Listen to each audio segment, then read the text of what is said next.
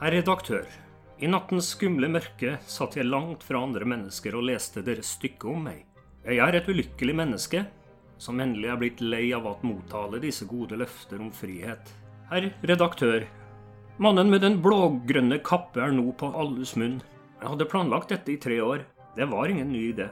Jeg har lidd så meget ondt i alle disse lange år at jeg skulle ønske å få det framlagt for folket. Mer siden. Hilsen L. Wang.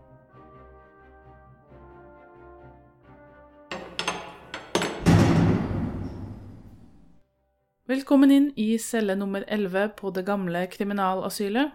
Jeg heter Kristine Rokkan Eriksen, og dette er Justismuseets egen podkast.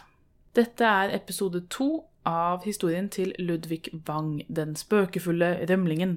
Jeg anbefaler at du hører på den første episoden av denne historien, men for de som ikke har tid til det, her er en lynrask oppsummering. I 1893 ble Ludvig Wang dømt til livsvarig straffearbeid på Akershus straffeanstalt. Han ble senere erklært sinnssyk og overført til kriminalasylet. Da han var 54 år gammel, stakk han av fra en av pleierne sine på vei tilbake fra et religiøst møte. Dette var hans andre gjennomførte rømning, og mange trodde han hadde stukket av til Sverige. 10.9.1927 så finner Arbeideravisen noe rart i postkassa. Et brev fra rømlingen selv. Og nå er ikke historien lenger om en farlig pasient som har rømt fra en streng institusjon, men et slags dialog mellom avisene og Ludvig og politiet da, som han erter. Det er opplagt når man leser brevene at Ludvig er fullt klar over hva som blir skrevet om han, og han føler at han har lyst til å fortelle sin egen versjon av sin historie til publikum. 10.9.1927. Arbeideravisen. Herr redaktør. I nattens skumle mørke satt jeg langt fra andre mennesker og leste deres stykke om meg. Jeg sender dem dette, vær vennlig at innta det. Herr politi. Det vil være kjært om de vil være litt mer moderat. Jeg er et ulykkelig menneske, som endelig er blitt lei av at mottale disse gode løfter om frihet. Farlig? Nei, det vil ingen av mine foresatte kunne si. Vil De spørre disse menn, herr Solem, herr Benberg, pastor Wall, pastor Eika? Jeg er hver dag i byen og har den ære at hilse på politiet som nok ikke kjenner meg. Og vil jeg i den nærmeste framtid besvare de ondartede artikler som opptager i avisen. Jeg er ingen voldtektsforbryter. Jeg har lidd i 37 år fordi at jeg i et hissig øyeblikk kom i en ulykke. Hilsen L. Wang. Unnskyld, jeg har skrevet dette på et trebrett. Og Her endrer jo hele denne ja, journalistikken seg. Eh, hvordan avisene ser på Ludvig, og hvordan de omhandler han, eller omtaler han i avisene sine. Den du hører, er Fredrik Berg, som har skrevet masteroppgave om rømninger fra kriminalasylet og Reitgjerdet psykiatriske sykehus.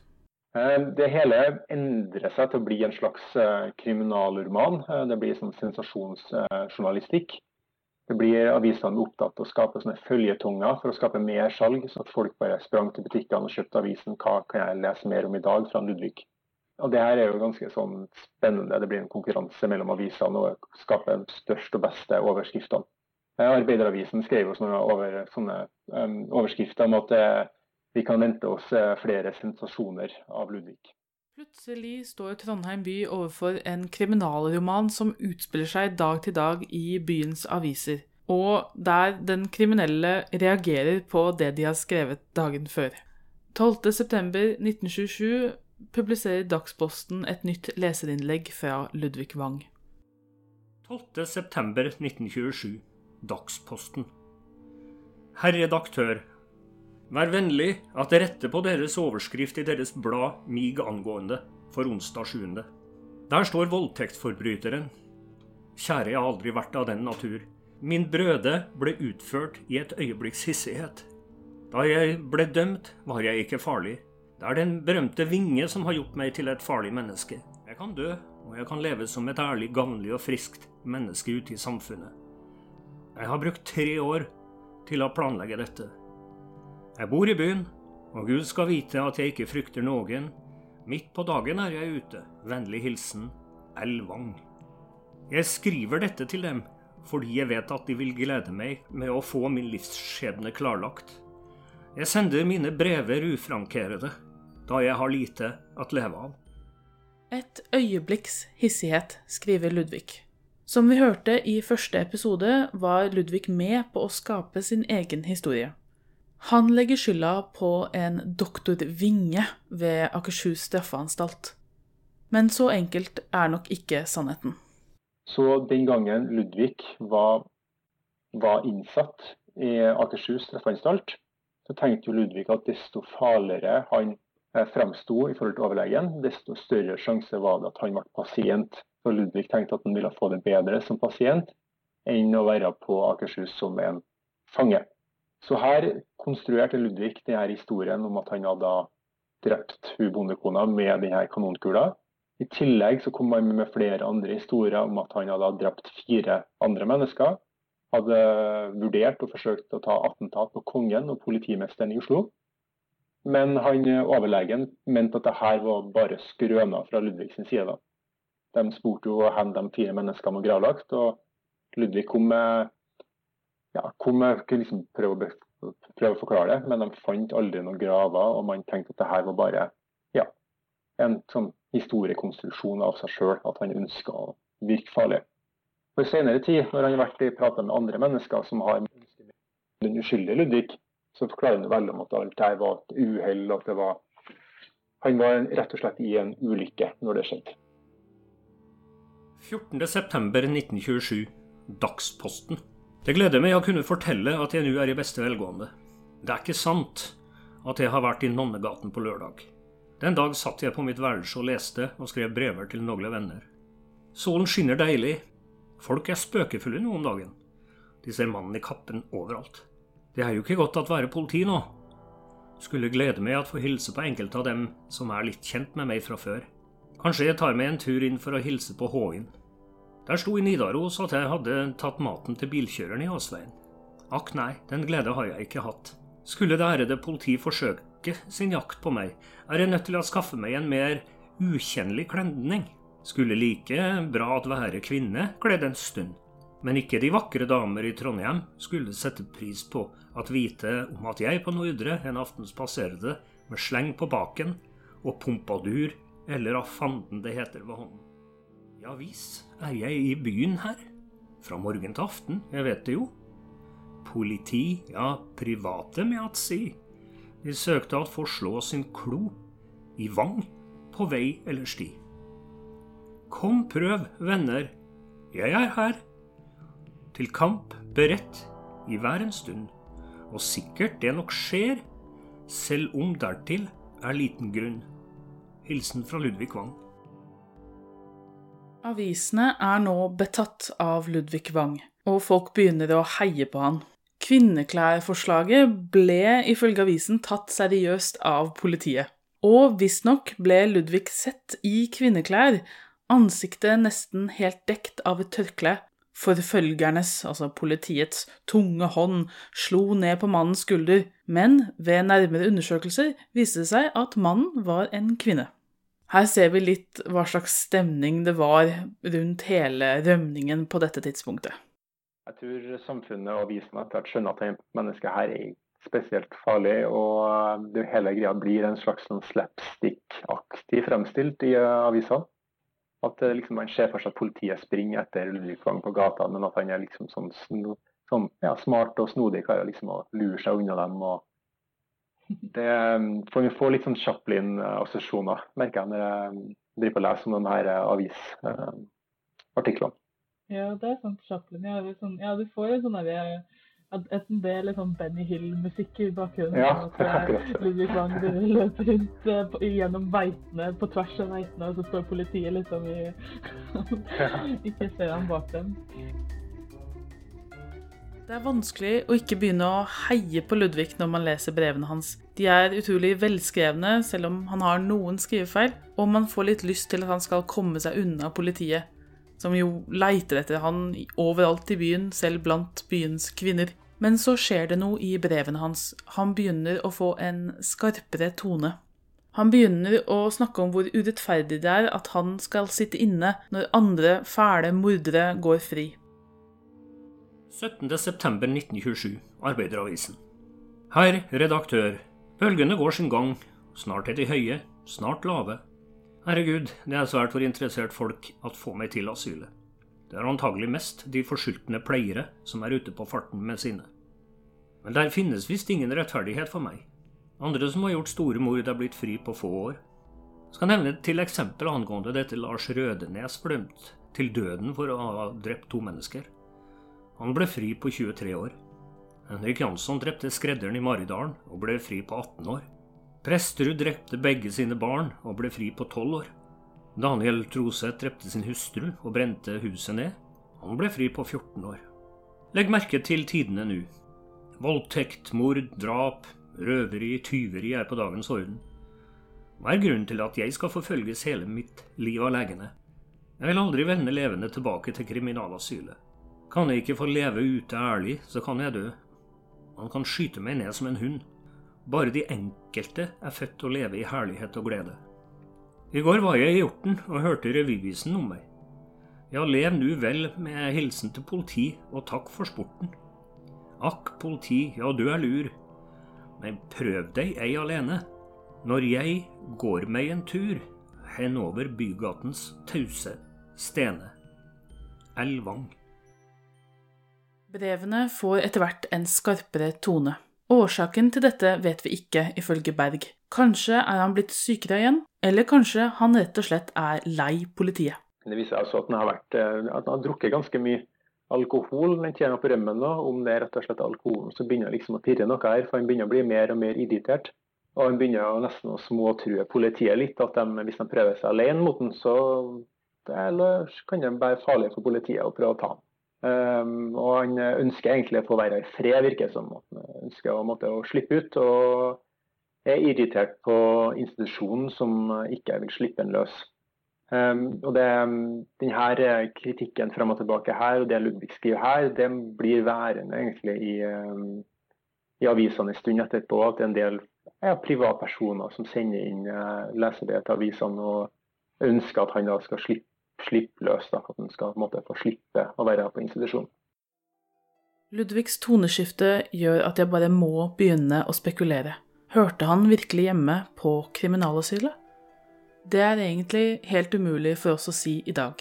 Det vi vet, er at tre forskjellige direktører ved kriminalasylet og Reitgjerdet søkte om å få Ludvig løslatt, men de fikk nei av Justisdepartementet hver gang. Ludvig selv, som vi har sett i brevene hans, forteller den versjonen av historien som passer han i øyeblikket.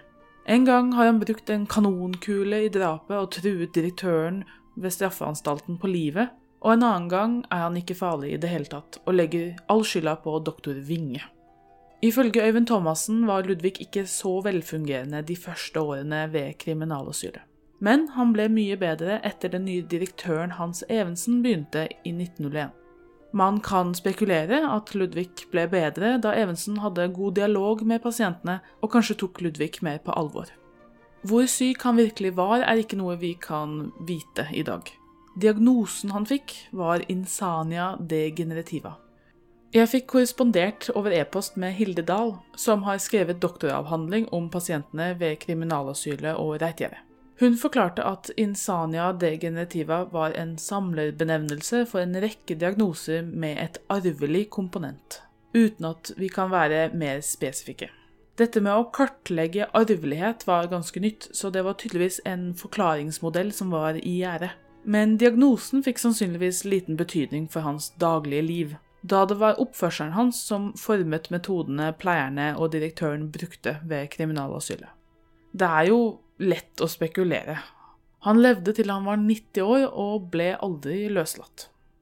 Det er jo de gangene man forsøker å sende ham over til privat pleie og sånne ting, der han får veldig mye frihet og får leve egentlig et ganske normalt liv, så merker man at han er ja, han eh, takler ikke det så bra i lengden. Da. Det går bra noen dager før han eh, da gjør enkelte sånne småbrekk, eller at han blir sint og enten stikker av, eller at han ja, gjør noe som gjør at han eh, da må sendes tilbake igjen til institusjonen. Ja. Så det, Hadde han oppført seg fint og ønska å klare det her, så hadde han jo måtte, måtte fått mye mer frihet etter hvert, som gjorde at han kunne ha levd et eget liv utenfor institusjonen. Men han, til slutt så hadde han jo måtte, nesten et så klippekort der han måtte bare losse seg ut om morgenen og komme tilbake igjen på mm. ettermiddagen. 20.9.1927, Arbeideravisen. Herr redaktør. I deres blad for 15. sier de at politiet har sporet etter meg. Nei, det er ikke sant. De må endelig ikke spå ilde. Men jeg tror dog ikke at politiet kan ta meg. De kan være viss på at det ikke skjer. I går var jeg ute og spaserte midt på dagen. Folk er så rare. De tror at de ser Wang selv om det er en gammel kjerring de møter. Jeg kan fortelle dem at jeg aldri ville bli tatt med livet. Jeg har bestemt at døden skal dømme. Og aldri vil jeg la meg ta levende. Jeg vil i en batalje med politiet forsvare meg til det ytterste, så jeg ikke skal dø før jeg har fått hevn. Jeg vil bare si politiet at dere får vokte dere for å bli meg for nærgående.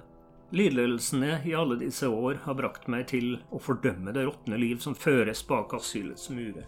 Jeg bærer ingen respekt for et politi som er så sløv at jeg kan gå forbi midt på dagen. Og så farvel. Jeg reiser i morgen fra Trøndelagen og vil ta bopel på et annet sted. Vennlig hilsen til alle som elsker et fritt liv uten tvang. Ingen private folk skal frykte eller være redd om de får høre at jeg er på traktene. Hilsen fra Ludvig Wang. Den fantastiske kriminalromanen må ha en slutt, og etter ca. 20 dager ble Ludvig tatt.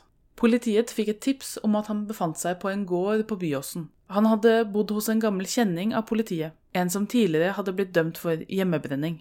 Ifølge avisen så planla Ludvig å forlate traktene slik han skrev i brevet sitt, men det hadde vært et fyllekalas kvelden før, og tømmermennene hindret han i å reise videre. Politiet fant han inne i et kott, og da overga han seg momentant. Så det ble heldigvis ingen kamp for livet.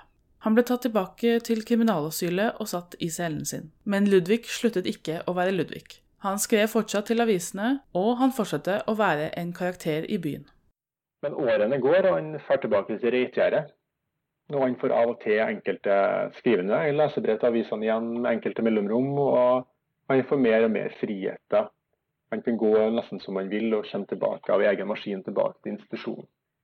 Eh, Ludvig begynner etter hvert å bli såpass gammel at han eh, oppfattes ikke farlig av noen som helst.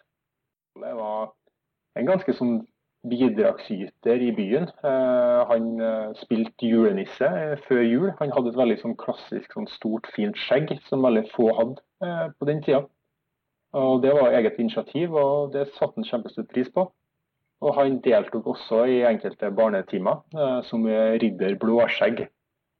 Så han var jo en veldig veldig interessant karakter der som ja, også helt, helt, til slutten av sitt liv var ganske ja, ga ganske mye til samfunnet da, av måte det han kunne gi. 1958 gratulerer Arbeideravisen Ludvig Wang med 85 år. Vi vil våge å påstå at Ludvig Wang vil bli husket av mange venner når han søndag 9. mars kommer til å passere det 85. året av sitt lange liv, og kan en vel si av en ublidt skjebne ført inn i en tilværelse som heldigvis svært få i vårt land har måttet friste fra sin tidligste ungdom til den høye alderdom. Siden i juli i fjor har Ludvig Wang hatt opphold på en gård i Selbu. Vi her i avisa har ikke sett ham på en god stund. Siste gangen han var oppom, var like før jul. Men han opprettholder gjennom brevkorrespondanse det gamle vennskapet. Det lange og interessante brevet fra Ludvig Wang gir gløtt som forteller ikke bare om en uvanlig rask og vital 85-åring, men også adskillig om resignasjon og en smule bitterhet. I de siste årene har jeg fått lovnader fra mange bra mennesker både fra høye og lave, om å bli flyttet til et gamlehjem og få nyte alderstrygd som andre gamle, sier Wang. Somme sier jeg er for sprek og arbeidsfør til gamlehjemsopphold. Og hvor de skrøner. De går som katten omkring varm graut. Og de synes å ha glemt ordtaket om å si mens gresset gror, dør kua. Jeg skal ikke gjenta her min livshistorie, den er kjent fra før. Men å ha vært satt utenfor samfunnet Helt fra barneårene til den høye alderdommen er vel noe de fleste ikke kan forstå rekkevidden av. Så forteller Wang at den før så sterke helsa hans har vist tegn til svikt i det siste, så det ville nok ha kjentes trygt og godt nå å få et fredelig opphold på et gamlehjem. Han slutter brevet med en hilsen til alle vennene sine i avisa og ellers hvor han så ofte blir møtt med god forståelse og vennlighet. Så han var en, eh, absolutt en spennende menneske, som sammensatt med en veldig spennende og jeg tror den helhetlige karakteren som måtte jeg appellerer veldig til mange. Eh, både da, men også nå i ettertid. Det er jo mange år siden Ludvig Wang er død nå, men vi er fremdeles veldig interessert i den. Og jeg tror den pirrer med veldig manges uh, interesse, egentlig. Hva var det egentlig som uh, drev den, og hva var det egentlig som motiverte den til å gjøre som han gjorde. Ludvig Wang døde i 1963, da 90 år gammel. Når jeg leser brevene til Ludvig Wang, er det fascinerende hvordan han er med på å skape narrativet om seg selv. Det er et brev der politiet tydeligvis har vært på høylandet og lett etter han, og da svarer Ludvig at han må ha vært der i ånden, da. Men det er nå en gang, skriver han, at den som alle andre klandrer, er en bra mann.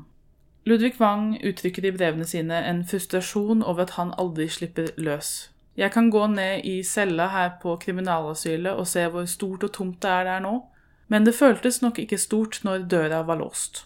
Jeg håper alle har blitt eh, kanskje ikke inspirert av Ludvig Wang sin historie, men i hvert fall litt underholdt. Jeg håper også at de av oss som kanskje sliter med hjemmekontor eller savner sosiale sammenkomster, at vi har den garantien som Ludvig Wang ikke hadde, og som noen i dag ikke har, at vi en dag slipper tilbake til samfunnet. Så da sier jeg bare takk for meg her fra celle nummer 11, og så høres vi igjen neste gang. Celle 11 er en podkast produsert av Justismuseet.